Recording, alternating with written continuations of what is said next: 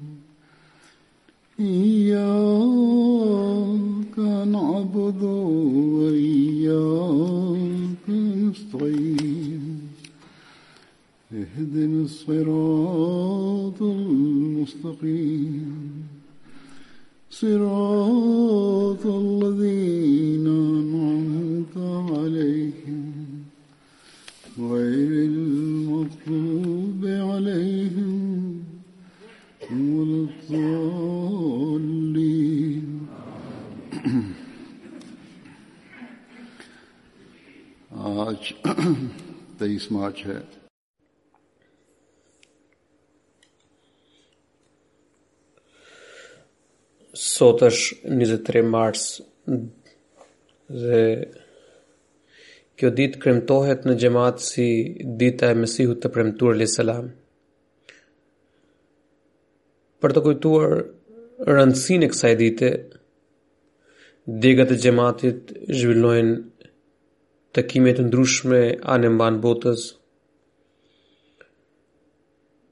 Pritet që gjatë fundjavës që vjen do të organizohen evente të tilla ku tregohet historiku i kësaj dite.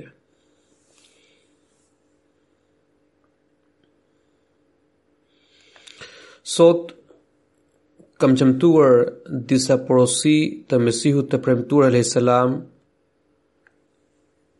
në të cilat ai ka parashtruar pozitën e tij si dhe qëllimin dhe nevojën e ardhjes së tij.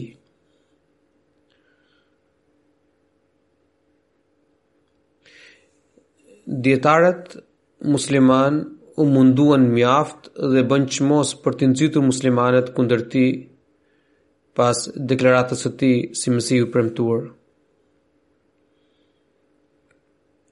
Ata bënin gjithçka që ishte e mundur për t'ia dalë në krye kësaj pune. Madje edhe sot nuk kanë hequr dorë nga kjo sjellje, mirëpo bashkësia e themeluar prej Mesihut të Premtuar alayhis salam vijon të lulëzohet me mbështetjen e Zotit dhe njerëzit e sinqertë vazhdojnë t'i bashkohen këtij xhamati. Hazret Mesihu i Premtuar alayhis salam duke argumentuar se ardhja e tij është në përputhje me profecitë dhe premtimet e Zotit, deklaron ai shkruan përderisa njëshmëria e vërtetë e Zotit nderi fisnikëria dhe vërtetësia e të dërguarit të Allahut sallallahu alaihi wasallam dhe fakti që Kurani është fjala e Zotit, ishin vënë në shënjestër të sulmeve barbare e të padrejta, a nuk duhet ta dërgonte Zoti shkatërruesin e kryqit? A ka harruar Zoti fjalën e tij, inna nahnu nezzelna dhikra wa inna lëhu lë hafedhun? Domethënë, ne e kemi zbritur këtë libër dhe ne do ta mbrojmë atë? Mbani mend mirë që fjalët e Zotit janë të vërteta. Ai, sipas fjalës së tij, dërgoi një alarmues në botë, por bota nuk e pranoi atë. Zoti do ta pranojë atë dhe do ta shfaqë vërtetësinë e tij me sulme shumë të ashpra. Pastaj ai shkruan Unë sinqerisht ju them që kam ardhur si Mesih i premtuar sipas fjalës së Zotit të madhërishëm. Daç më pranoni, daç më mohoni, por të dini që mohimi juaj nuk do të sjellë asgjë, Atë që e ka vendosur Zoti do të përmbushet në çdo mënyrë, sepse ai kishte shpallur në Brahin që sadakallahu wa rasuluhu wa kana wa'dan maf'ula. Domethënë fjala e Zotit dhe të dërguarit të tij doli e vërtetë. Dhe u përmbush premtimi i Zotit.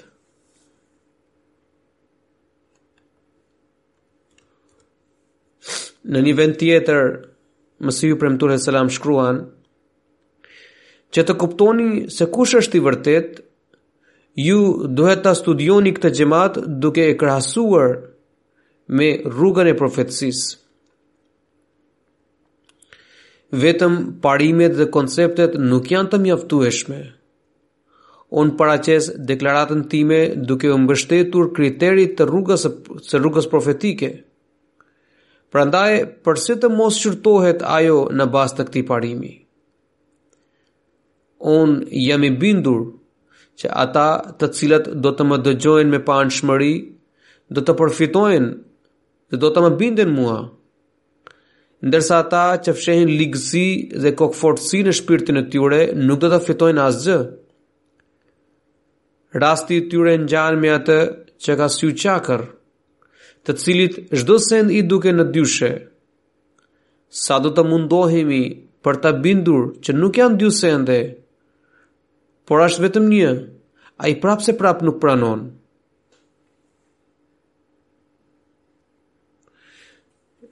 Mesihu i Premtuar alejhi selam jep një shembul, thotë, na ishte një herë një njeri çakër që punonte si shërbëtor. Pronari i kërkoi të sillte pasqyrën nga brenda, ai hyri brenda në shtëpi, por u kthye prapë dhe pyeti, cilën pasqyrë duhet të sjell? Se aty janë dy, Pronari u mundua ta bindte shërbëtorin se aty ishte vetëm një pasqyrë, por shërbëtori ia ktheu me habi, A qenkam gënjeshtar unë? Pronari i tha, nëse janë dy, atëherë thye njërën për njërën pasqyrë, kur e theu pasqyrën, kuptoi që në fakt ishte gabimi i tij. Unë nuk di si t'u përgjigjem këtyre njerëzve të shtrembër. Nëse nxjerrin diçka, është një mori hadithesh, të cilit vetë i japin rëndësi relative. Ata nuk dinë se një ditë njerëzit do të tallen me kësisoj bisedash. Çdo kërkimtar i së vërtetës ka të drejtë të më kërkojë argumente në mbështetjen e deklaratës sime. Edhe unë mund t'ua tregoj vetëm atë që kanë treguar të dërguarit të Zotit. Unë u tregoj dëshmitë nga Korani dhe Hadithi, si dhe argumente të logjikshme si nevojat e kësaj kohe, që janë të domosdoshme për vërtetësinë e një reformatori. Kam hartuar një përmbledhje në të cilën kam paraqitur afërsisht 150 shenjat për të cilat kam miliona dëshmitarë. Nxjerrja e gjepurave si argumente nuk është sjellja e të, e të dëlirëve.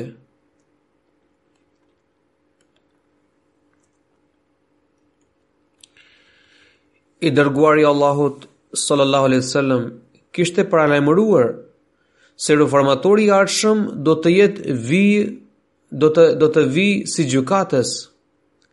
Prandaj bindjuni udhëzimeve të tij.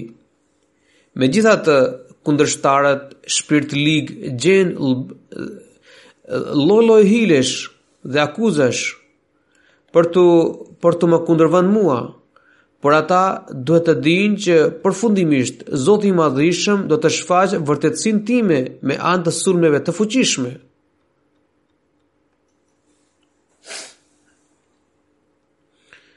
Po të kisha gënjyer, Zoti do të më shkatërronte.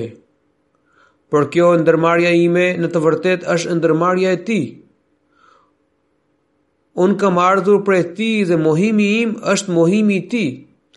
Prandaj ai vetë do ta manifestojë vërtetësinë time.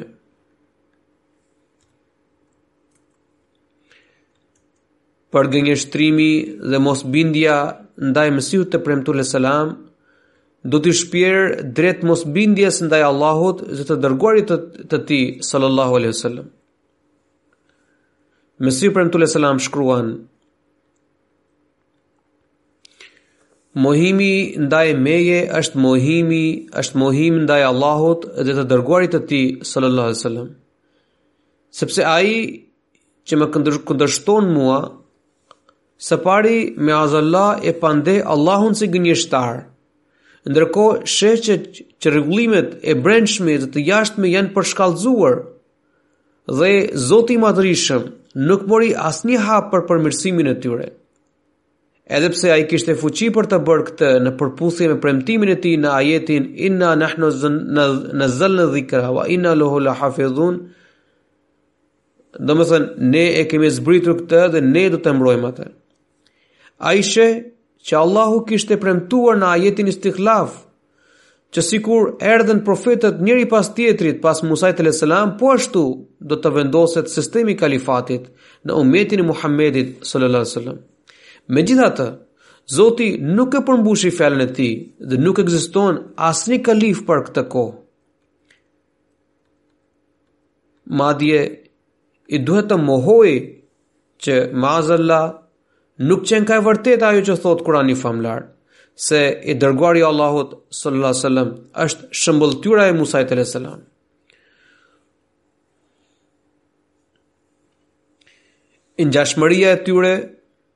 Pra, midis të dërguarit të Allahut sallallahu alaihi wasallam dhe Musait alayhis salam, ngjashmëria e tyre dhe shëmbëllimi i plotë kërkonte që në shekullin e 14 të vinte një mesih në këtë umet, ashtu sikur erdhi mesihu i parë në umetin e Musait alejhi selam, pas 14 shekujve.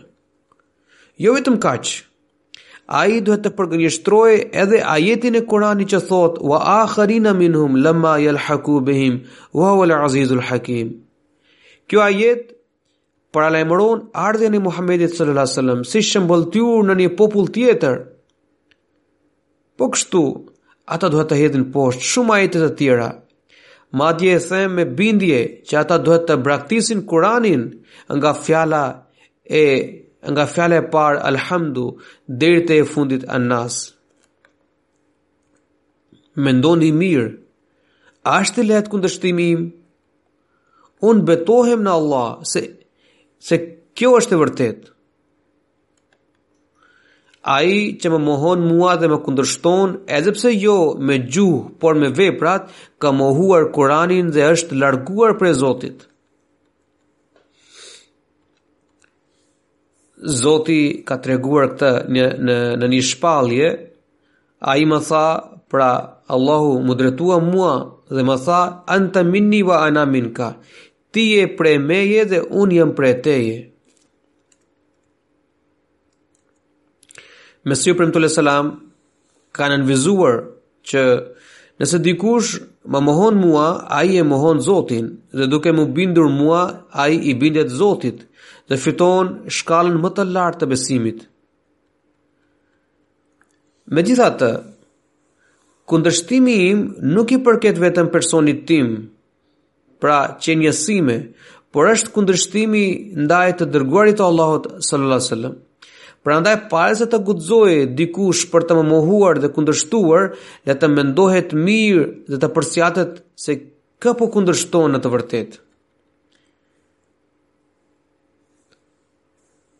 Duke shtjelluar këtë çështje, ai thekson se mosbindja ndaj Mesihut të Premtuar alejhi selam rrjedhimisht shkakton edhe mosbindjen ndaj të dërguarit të Allahut sallallahu alaihi wasallam.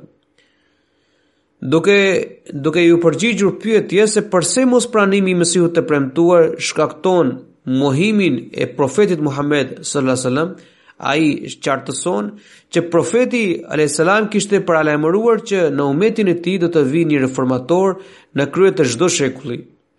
Ai gjithashtu kishte premtuar që imami juaj do të jetë nga mesi juaj dhe për të mposhtur fitnen e fesë së krishterë do të vijë Mesihu dhe Mehdiu. Duke mohuar Mesihun e premtuar alejhi selam do të përgënjeshtrohen të gjitha profecitë e të dërguarit të Allahut sallallahu alaihi wasallam lidhur me Imam Mehdiun. Në këtë mënyrë, a nuk do të quhet ai mohuesi i të dërguarit të Allahut sallallahu alaihi wasallam? Unë qartësoj prapë se kundërshtimi ndaj meje nuk është i lehtë. Para se të më quajë qafir, njeriu duhet të bëhet qafir vetë. Do të vonojë shpallja e mosbesimit dhe devijimit tim, por së pari duhet të pranoni devijimin dhe poshtërsinë tuaj. Ai që më akuzon se paskam mohuar Kur'anin famëlartë dhe hadithin, së pari vetë duhet t'u kundërvihet atyre. Unë jam vërtetues i Kur'anit dhe hadithit. Dhe nëpërmjet meje është shfaqur vërtetësia e tyre. Unë nuk jam i devijuar, por jam Mahdi i udhëzuar, i udhëzuar prej Zotit. Unë nuk jam mohues, por jam ndër besimtarët e sinqertë. Gjithçka që kam shprehur është e vërtetë dhe është në përputhje me atë që më ka treguar Zoti. Çdokush që i beson Zotit dhe u nënshtrohet Kur'anit dhe të dërguarit të tij sallallahu alaihi wasallam, duhet të hesht, duhet të heshtë pas deklaratës sime. Por çfarë mund t'i bëhet të pabindurit dhe të të, të padëgjueshmit? Vetëm Zoti mund ta bindë atë.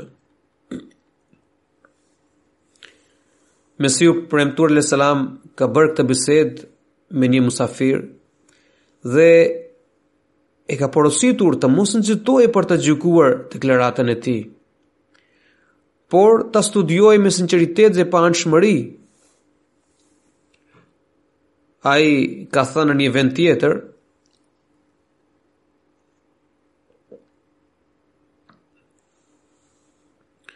Nëse nuk vuajnë nga shpirtlikësia dhe kokëfortësia, atëherë le të më dëgjojnë dhe të më binden mua, Ata do të shohin se si Zoti do t'i nxjerrë ata nga errësira dhe i shpie drejt dritës.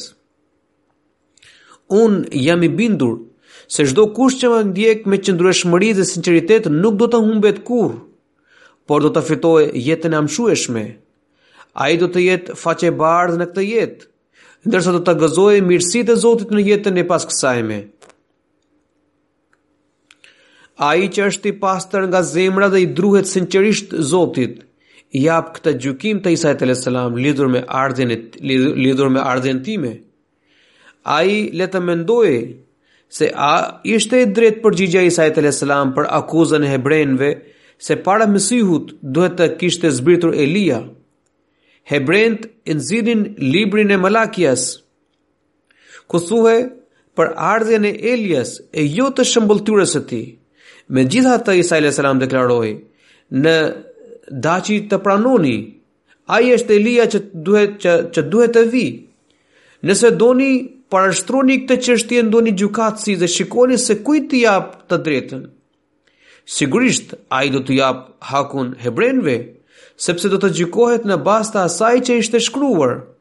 Megjithatë, kjo vendim nuk do të jetë i drejtë, sepse një besimtar që i beson Zotit dhe di se ai është se, se si është sjellja e profetëve në botë, do të besojë gjithçka që ka thënë Isai alejhi selam.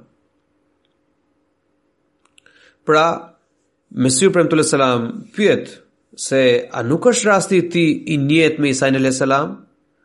Po të keni frikën e Zotit, duhet të rrëqetheshit para se të thoshit që kjo deklaratë është e rreme. Mjerë për këta njerëz që nuk kanë as besimin e atij njeriu, që i përkiste popullit të faraonit dhe, dhe kishte thënë që nëse ky, pra Musai alejhi selam, është gënjeshtar, do të shkatërrohet vetë, Nëse do të vepronin me druajtje ndaj Zotit, së paku duhet të thoshin këtë e pastaj do të dëshmonin a, a më mbështet Zoti i Madhërishëm apo më më shkatërron.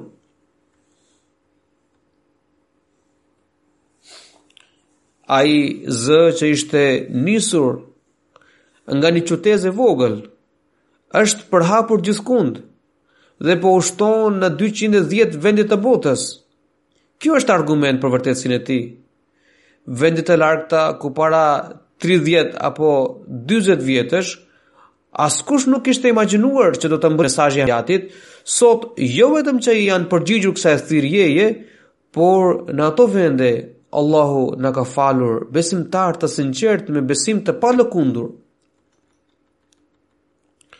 Do t'ju rëfej një ngjarje nga një shtet i vogël afrikan që quhet Benin. Në vitin 2012 u themelua xhemati në një fshat dhe Ibrahim Sahibi pranoi Ahmediatin. Duke qenë musliman dhe njeri i ditur, ai përparoi në sinqeritet dhe besnikëri. Ai filloi t'u përcjellë mesazhin e xhematit anëtarëve të tjerë të familjes së tij. Vëllai i tij Si reagim që ishte idhujtar, si reagim ndaj thirrjes së tij nisi të grindej me të, të zihej me të. Megjithatë, kjo nuk e ndaloi atë nga përpjekjet e tij të sinqerta për t'i ftuar ata në Islamin e vërtetë. Falë përpjekjeve të tij, tri fshatra fqinje përqafuan mesazhin e xhematit.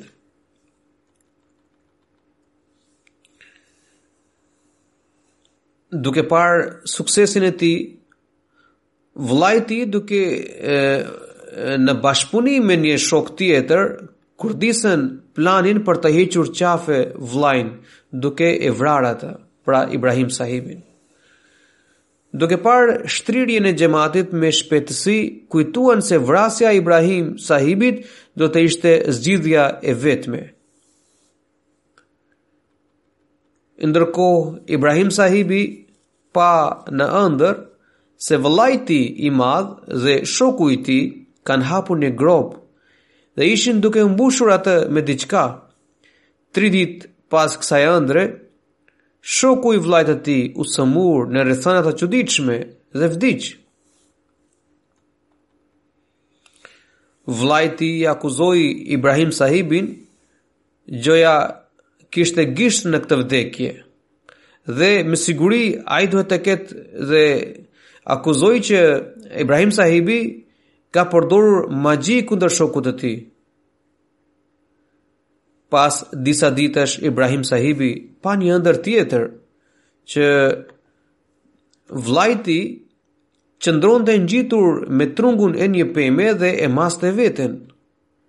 Është tradita e atij vendi që para se të hapin varrin, njerëzit bëjnë matjen e trupit me lëkurën e pemës. Pas disa ditësh u sëmur bashkëshortja shtatzënë e vëllait të tij dhe ndërroi jetë pas dy ditësh. Madje edhe fëmijët e tij filluan të sëmureshin dhe nuk shëroheshin. Vëllai i tij shkoi te prijësi i zonës, pra që quhet mbreti i atij rajoni dhe dhe iu ankua që vëllai i tij Ibrahim Sahibi po përdor magji kundër tij dhe i kërkoi ndihmë. Madje për të nxjerrë punën vëllai, e, për të, për të nxjerrë punën, vëllai i tij i dha edhe një shumë parash. Prijësi e thirri Ibrahim Sahibin dhe i foli shumë ashpër që ai gjoja ka përqafuar një fe të re dhe tani po e përhap atë. Ai e kërcënoi Ibrahim Sahibin që për të hequr dora nga kjo fe, përndryshe nuk do të jetojë për nesër. Ibrahim Sahibi u përgjigj se kam pranuar besimin duke e gjetur të vërtetë. Dhe tashmë nuk mund të kthehem mbrapsht. Jeta dhe vdekja janë në dorën e Zotit. Prijësi iu kundërpërgjigj. Dhe i tha, unë jam Zoti i këtij vendi. Ju dini mirë që unë bëj ashtu siç më pëlqen. Nëse vendos që dikush të ekzekutohet të nesërmen, askush nuk ka fuqi të më kundërvihet. Ibrahim Sahibi iu përgjigj që unë nuk dua të komentoj këtë që ju u thoni ndjekësve tuaj. Mirëpo, unë nuk do të largohem kurrë nga feja ime, e cila është islami i vërtetë, Prijësi u xhindos nga inati dhe porositi njerëzit e tij që Ibrahim Sahibi të mbyllej në një dhomë. Teksa ata po e shoqëronin Ibrahim Sahibin për ta izoluar atë, ai u tha që të mos hynin në këtë, në këtë çështje, e ta linin që të shkojë në shtëpi. Në këmbim të parave ata e lanë të ikte. Të nesërmen, kur lindi dielli, prijësin e zuri paraliza dhe ai nuk mund të lëvizte nga vendi.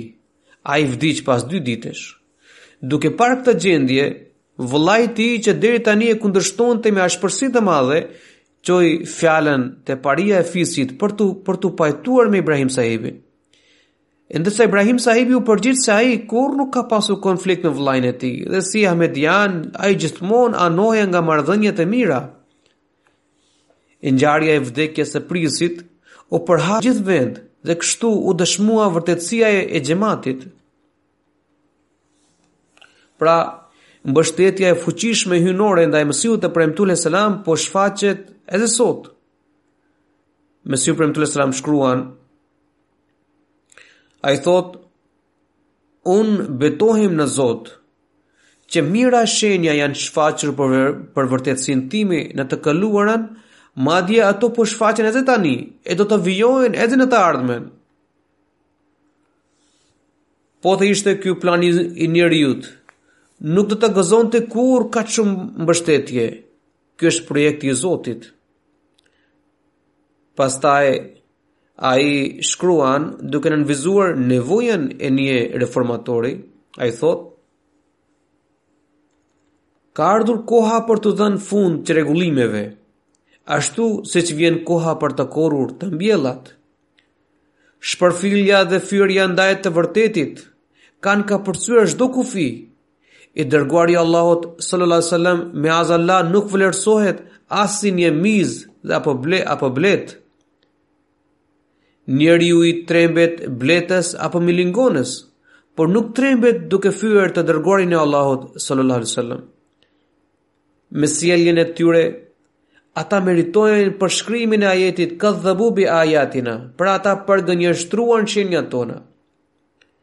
Aq sa kishin mundësinë, kanë hapur gojën kundër dhe kundër tij dhe përdorën çdo sharje dhe, llo, dhe llomotitje kundër tij. Dhe tashmë ka ardhur koha që Zoti t'i mposhtë ato. Në kohërat e tilla, Zoti gjithmonë dërgon dikë që ka sedër për, për madhështinë dhe glorifikimin e Zotit. Njeriu i tillë mbështetet nga ndihma hyjnore. Ndonëse çdo gjë bëhet nga zoti, ardhja e njeriut të tillë bëhet për të përmbushur praktikën e zotit. Wa lan tagjida li sunnatillahi tabdila. Dhe ti nuk do të shikosh dhe nuk do të gjesh asnjë ndryshim në praktikën e zotit, në ligjin e zotit. Tashmë ka ardhur koha dhe Allahu i madhërishëm më ka dërguar mua sipas praktikës së tij. Duke studiuar fjalët e tij, ne mësojmë që sa herë që çështja e botës katandiset, për mos më keq, merren masa në qiell për ta ndrequr atë. Kjo është shenja e tij se ka ardhur koha e përgatitjes. Pra, shenja e të vërtetit është që ai vjen në në kohën e duhur.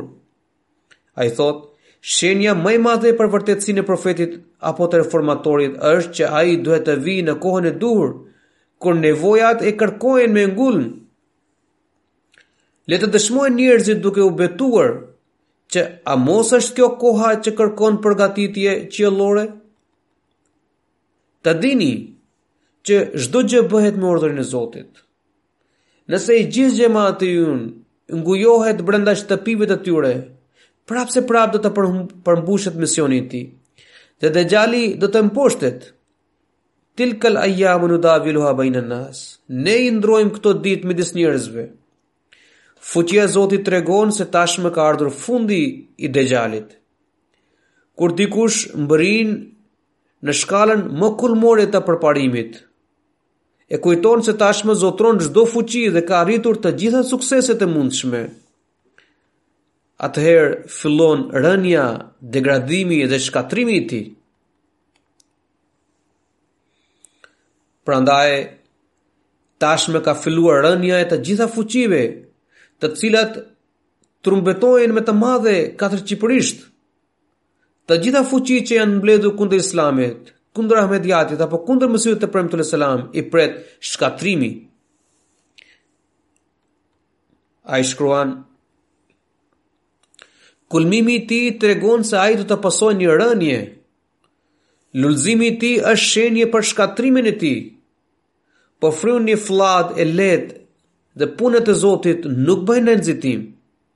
Sikur të mos kishin asnjë argument për vërtetësinë tim, për për vërtetësinë tonë. Muslimanët thjesht duke vir, duke duke vështruar gjendjen e tanishme kishin për detyrë të vërtiteshin dhe të kërkonin Mesihun që përse ai ende nuk ka ardhur për të për të thyer kryqin.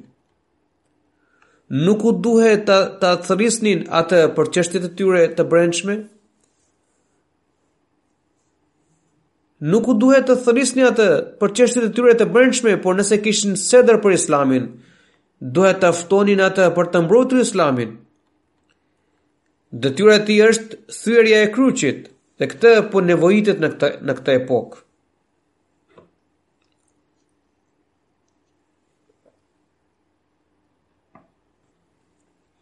Në një vend tjetër ai shkruan: Unë kam ardhur për të larguar ateizmin, i cili po përhapet vrullshëm. Për këtë arsye ai quhet Mesihu i premtuar. Nëse hoxhallarët kishin sadopak dhembshuri ndaj njerëzimit, apo synonin mirëqenien e tyre, ata nuk do të silleshin kurrë kështu, siç po sillen me mua. Kush mund të thotë që të mos bëhet diçka, që Allahu ka urdhëruar të bëhet? Nëse kanë lëshuar fetva dhe vendime fetare kundër xhamatit, ata nuk kanë arritur të frenojnë ecurinë e xhamatit, i cili vijon të përparojë. Derisa Allahu ka vendosur për diçka, askush s'mund ta pengojë atë. Mesihu i Premtuar alejhi selam shkruan, kundërshtarët tanë po na shërbejnë duke përhapur mesazhin tonë në lindje dhe perëndim. Qoftë duke kundërshtuar apo prapë, qoftë duke kundërshtuar ata prapë po përçojnë gjithkund mesazhin e Ahmediatit apo islamit të vërtetë. Shumëkush shkruan dhe kontakton xhematin duke shprehur se kishin dëgjuar fjalë të pahijshme rreth xhematit nga filan hoxhë dhe kishin kuriozitet dhe kështu filluan dhe kështu filluan të shqyrtojnë ato akuza.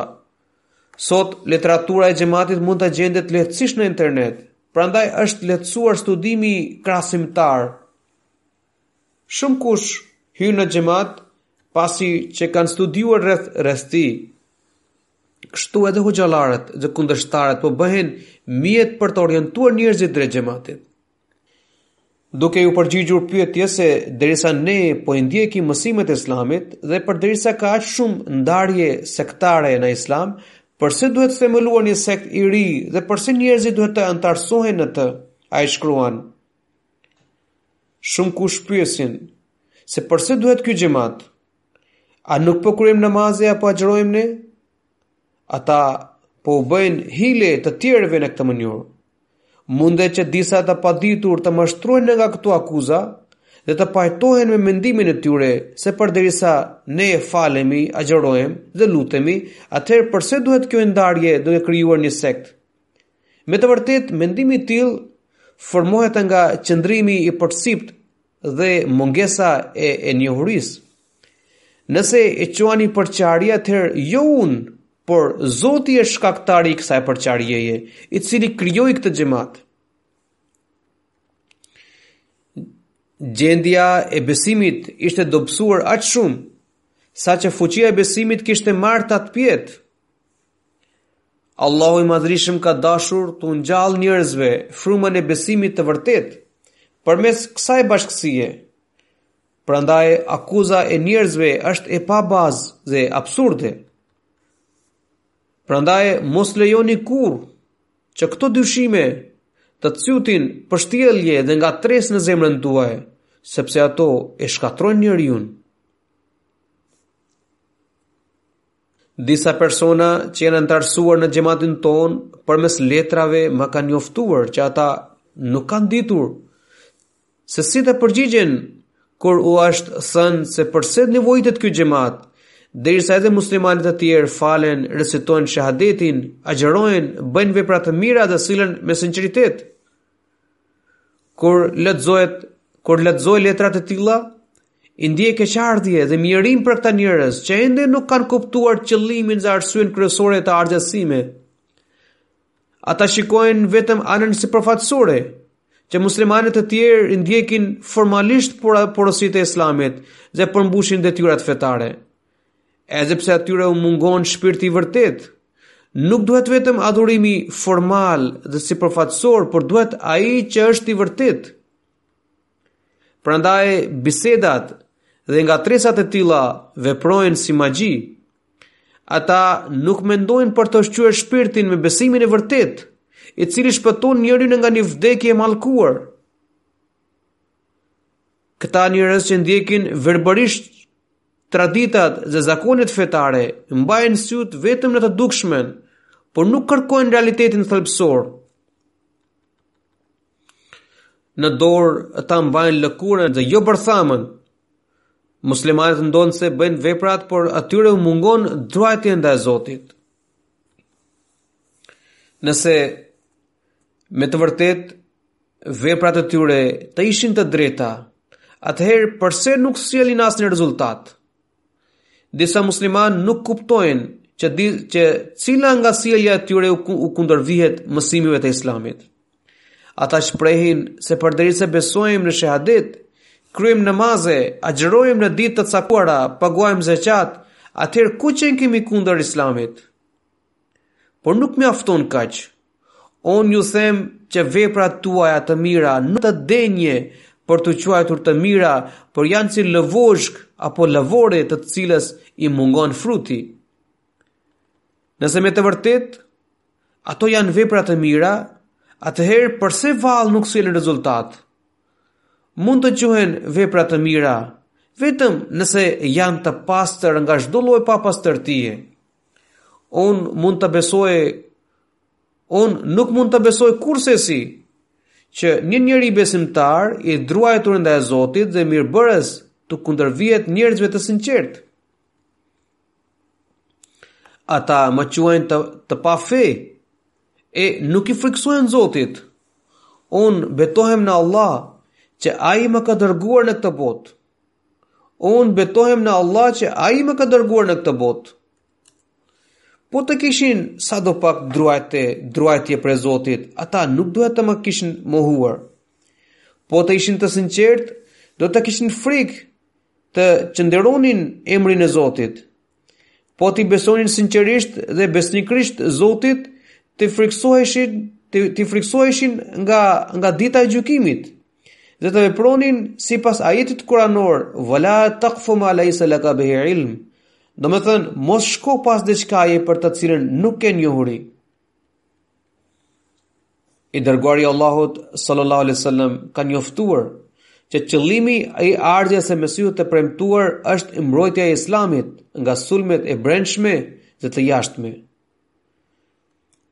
Mesihu i premtuar alaihi salam ka qartësuar në një shkrim ai thotë i dërguari i Allahut sallallahu alaihi wasallam kishte paralajmëruar për ditët e mëvonshme që do të shfaqen dy lloj fitnesh, të brendshme dhe të jashtme. Fitnja e brendshme, pra ngatërresat e brendshme, janë ato që muslimanët nuk do të jenë më në rrugën e vërtetë dhe do të nënshtrohen nga shejtani do të mbizotërohen nga shejtani duke u përfshirë në bixhoz, kurvëri, alkool dhe çdo lloj shfrenimi dhe shkeljeje, ata do të dalin nga kufijtë e caktuar prej Zotit. Dhe ata do të shpërfillin ndalesat e tij. Do të braktisin namazin dhe agjërimin, do të përbuzen urdhrat e Zotit dhe do të përtallen porositë e Kur'anit. E ndërsa fitnja e jashtme do të jetë e tillë që do të bëhet që do të që do të bëhen shpifjet ndaj figurës së shenjtë të të, të dërguarit të Allahut sallallahu alaihi wasallam. Kjo gjendje është përshkallëzuar sot. Dhe po tentohet të njolloset dhe çnderohet islami duke përdorur të gjitha sulmet lënduese. Do të përdoret çdo dredhi dhe çdo plan i mundshëm për të provuar karakterin hyjnor të Jezusit dhe për të shtyrë besimin në mallkimin e kryqit.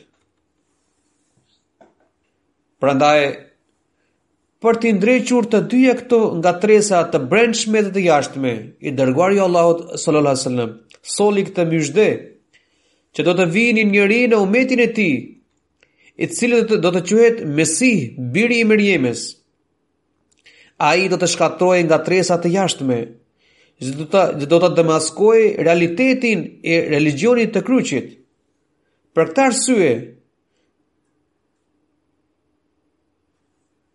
Pra, ndërsa duke sheshuar të gjitha mosmarrëveshjet dhe devijimet e brendshme, ai do të shpjerë njerëzit në rrugën e vërtetë dhe të, të, të udhëzimit.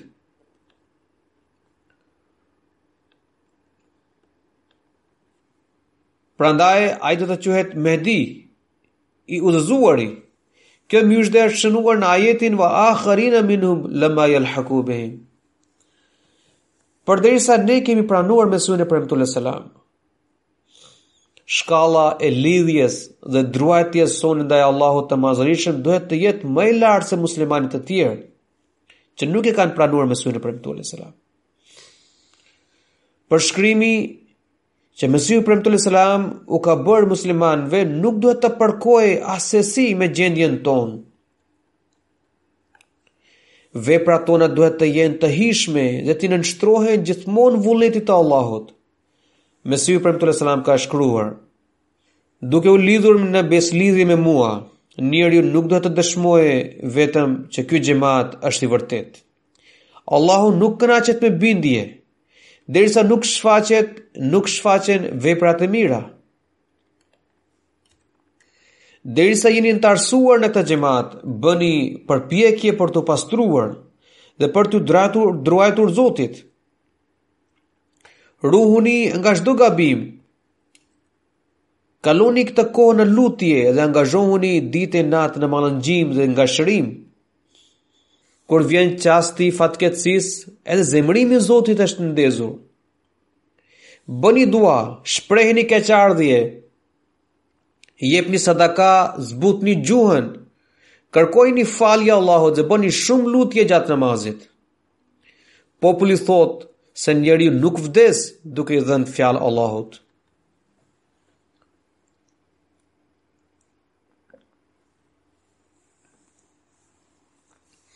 Pra, vetëm pranimi i diçkasë nuk i jep dobi njeriut, nëse ai e shpërfill dhe vepron në kundërshtim me të. Çfarë është vepra e mirë? Mesihu i Premtuar alejhi selam e përshkruan veprën e mirë në këtë mënyrë. Ai shkruan: Allahu e ka bashkërenditur besimin me veprën e mirë. Vepra e mirë është ajo që nuk nuk përmban asnjë papastërti. Mbani mend, vepra e njeriut është gjithmonë e rrezikuar. Cilat janë ata kurs, cilat janë ata kusar që që duan të plaçkitin veprën e tij? Është syfaqësia. Kur njeriu bën një vepër sa për sy e faqe, e jo me çiltërsi.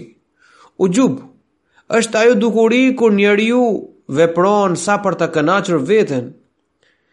Dukuritë e tjera të shëmtuara dhe gjynahet që dalin prej saj e bëjnë të pavlefshme veprën e njeriut. Vepra e mirë është ajo që nuk përmban asnjë grimcë nga zullumi, vetëpëlqimi, syfaqësia, mendjemadhësia apo cenimi i të drejtave njerëzore. Njeriu ruhet në këtë botë, ashtu sikur mbrohet në jetën e paskësajme. Edhe në ahiret, njeriu njeriun e mbron vepra e mirë. Nëpërmjet saj do të kënaqet Zoti dhe do të shpërblejë atë me mirësi. Vepra e mirë e mbron njeriun edhe në jetën tokësore nga mjaft brenga dhe mundime. Nëse një pjesëtar i familjes bën vepra të mira, kjo e mbron gjithë familjen. Duhet të kuptoni që nëse ju ju mungon vepra e mirë, nuk ju ndihmon dot as besimi. Nëse mjeku shkruan një recetë, kjo nënkupton që duhen siguruar edhe përdorur barna që janë shënuar në të. Nëse ai nuk e pi ilaçin dhe ruan vet dhe ruan vetëm recetën, ai nuk do të ketë asnjë dobi. Ju tashmë jeni penduar, por Zoti dëshiron të shikojë se sa keni pastruar veten pas kësaj pendese. Ka ardhur koha kur Zoti do të dallojë njerëzit në bazë të takuas. Shumë kush shpreh pakënaqësi ndaj Zotit. Ndërkohë nuk vështron, nuk e vështron veten. Çdo gjë që vjen si pasojë e padrejtësive të njeriut ndaj nefsit të tij, përndryshe, çdo gjë që vjen si pasojë e padrejtësive të njeriut ndaj nefsit të tij, përndrë, përndryshe Çdo gjë vjen si pasojë e padrejtësive të njeriut ndaj nefsit të tij. Përndryshe Allahu është i gjithëmëshirshëm dhe mëshirëbërës. Disa njerëz janë të vetëdijshëm për mëkatet e tyre, ndërsa ka edhe të tillë që nuk kanë asnjë haber për gabimet e tyre. Kjo është arsye që Allahu i lartësuar na ka porositur që t'i kërkojmë falje në çdo kohë. Njeriu duhet të bëjë istigfar për çdo mëkat, qoftë i dukshëm apo i fshehur, qoftë ai që bëhet me dijeni apo me padijeni, që bëhet nga dora, këmba, gjuha, hunda, veshët apo sytë e tij. Këto ditë ju duhet të recitoni lutjen e Ademit alayhis salam. Ajo lutja është Rabbana zalamna anfusana wa illam taghfir lana wa tarhamna lanakunanna minal khasirin. O Zoti ynë, ne i kemi bërë keq vetes sonë, prandaj nëse ti nuk na fal dhe nuk na mëshiron, ne vërtet do të jemi nga të humburit. Kjo është lutje e pranuar qysh prej fillimit. Mos kaloni jetën me indiferencë. Njeriu që kalon jetën me vigjilencë dhe syhaptësi, nuk pritet që të bjerë në një fatkeqësi të madhe. Pra njeriu që jeton duke pasur frikën e Zotit, nuk bie në vështirësi apo mundime të jashtëzakonshme.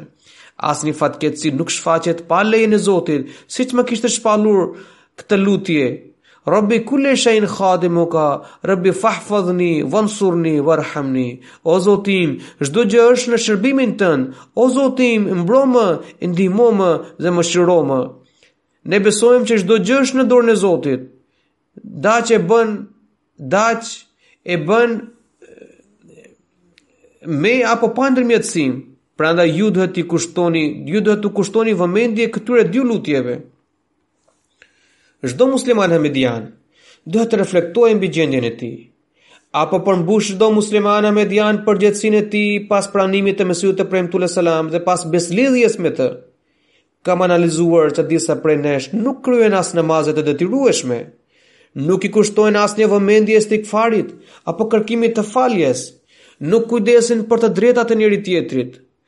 Nëse ndodhemi në këtë derexhe, si mund të pohojmë që me të vërtetë jemi duke bërë vepra të mira, apo jemi, për, jemi duke përmbushur detyrën tonë si ahmedianë, të tjerët po hyjnë në gjynah duke mos mohuar Mesihun e Premtuar alejhi selam, ndërsa ne duke mos i ndrequr gabimet tona, duke mos përmbushur betimin tonë, po biem në mëkat dhe dhe edhe pse e kemi pranuar atë. Ne duhet të analizojmë gjendjen tonë me me shqetësim dhe merak të madh. Allahu na mundësoftë të mos u bëfshim kurrë si ata që kremtojnë ditën e Mesihut të Premtuar alejhi selam si është si një zakon. Përkundrazi u bëfshim si ata që përmbushin që që përmbushin përgjegjësinë dhe përgjegjësinë e pranimit të Mesihut të Premtuar alejhi selam. Zoti na bëftë prej atyre që ruhen nga të gjitha rreziqet e brendshme të jashtme. Allahu na ruajttë nga çdo vështirësi dhe sprovë. Sot do t'ju jap një lajm të gëzueshëm se nga dita e sotme Pra në ditën e Mesihut të Premtuar alejhi selam po niset sërish gazeta Al Hakam në gjuhën angleze.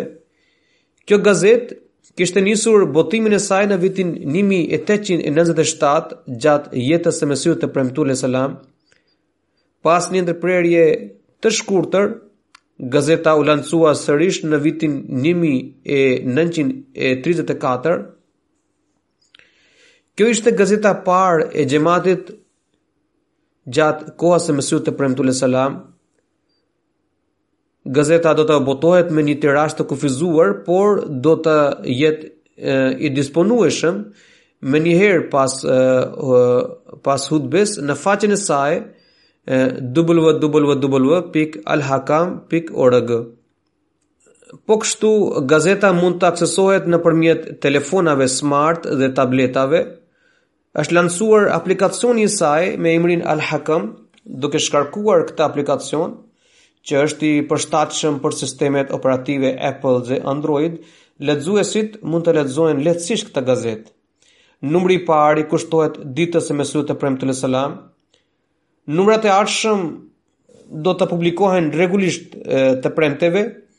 Njerëzit mund të përfitojnë prej saj Dashtë Allahu fillimi i tanishëm i gazetës të vijojë pa ndërprerë, përderisa gazeta do të botohet në anglisht, prandaj njohësit e gjuhës angleze duhet të përfitojnë veçanisht nga kjo gazetë.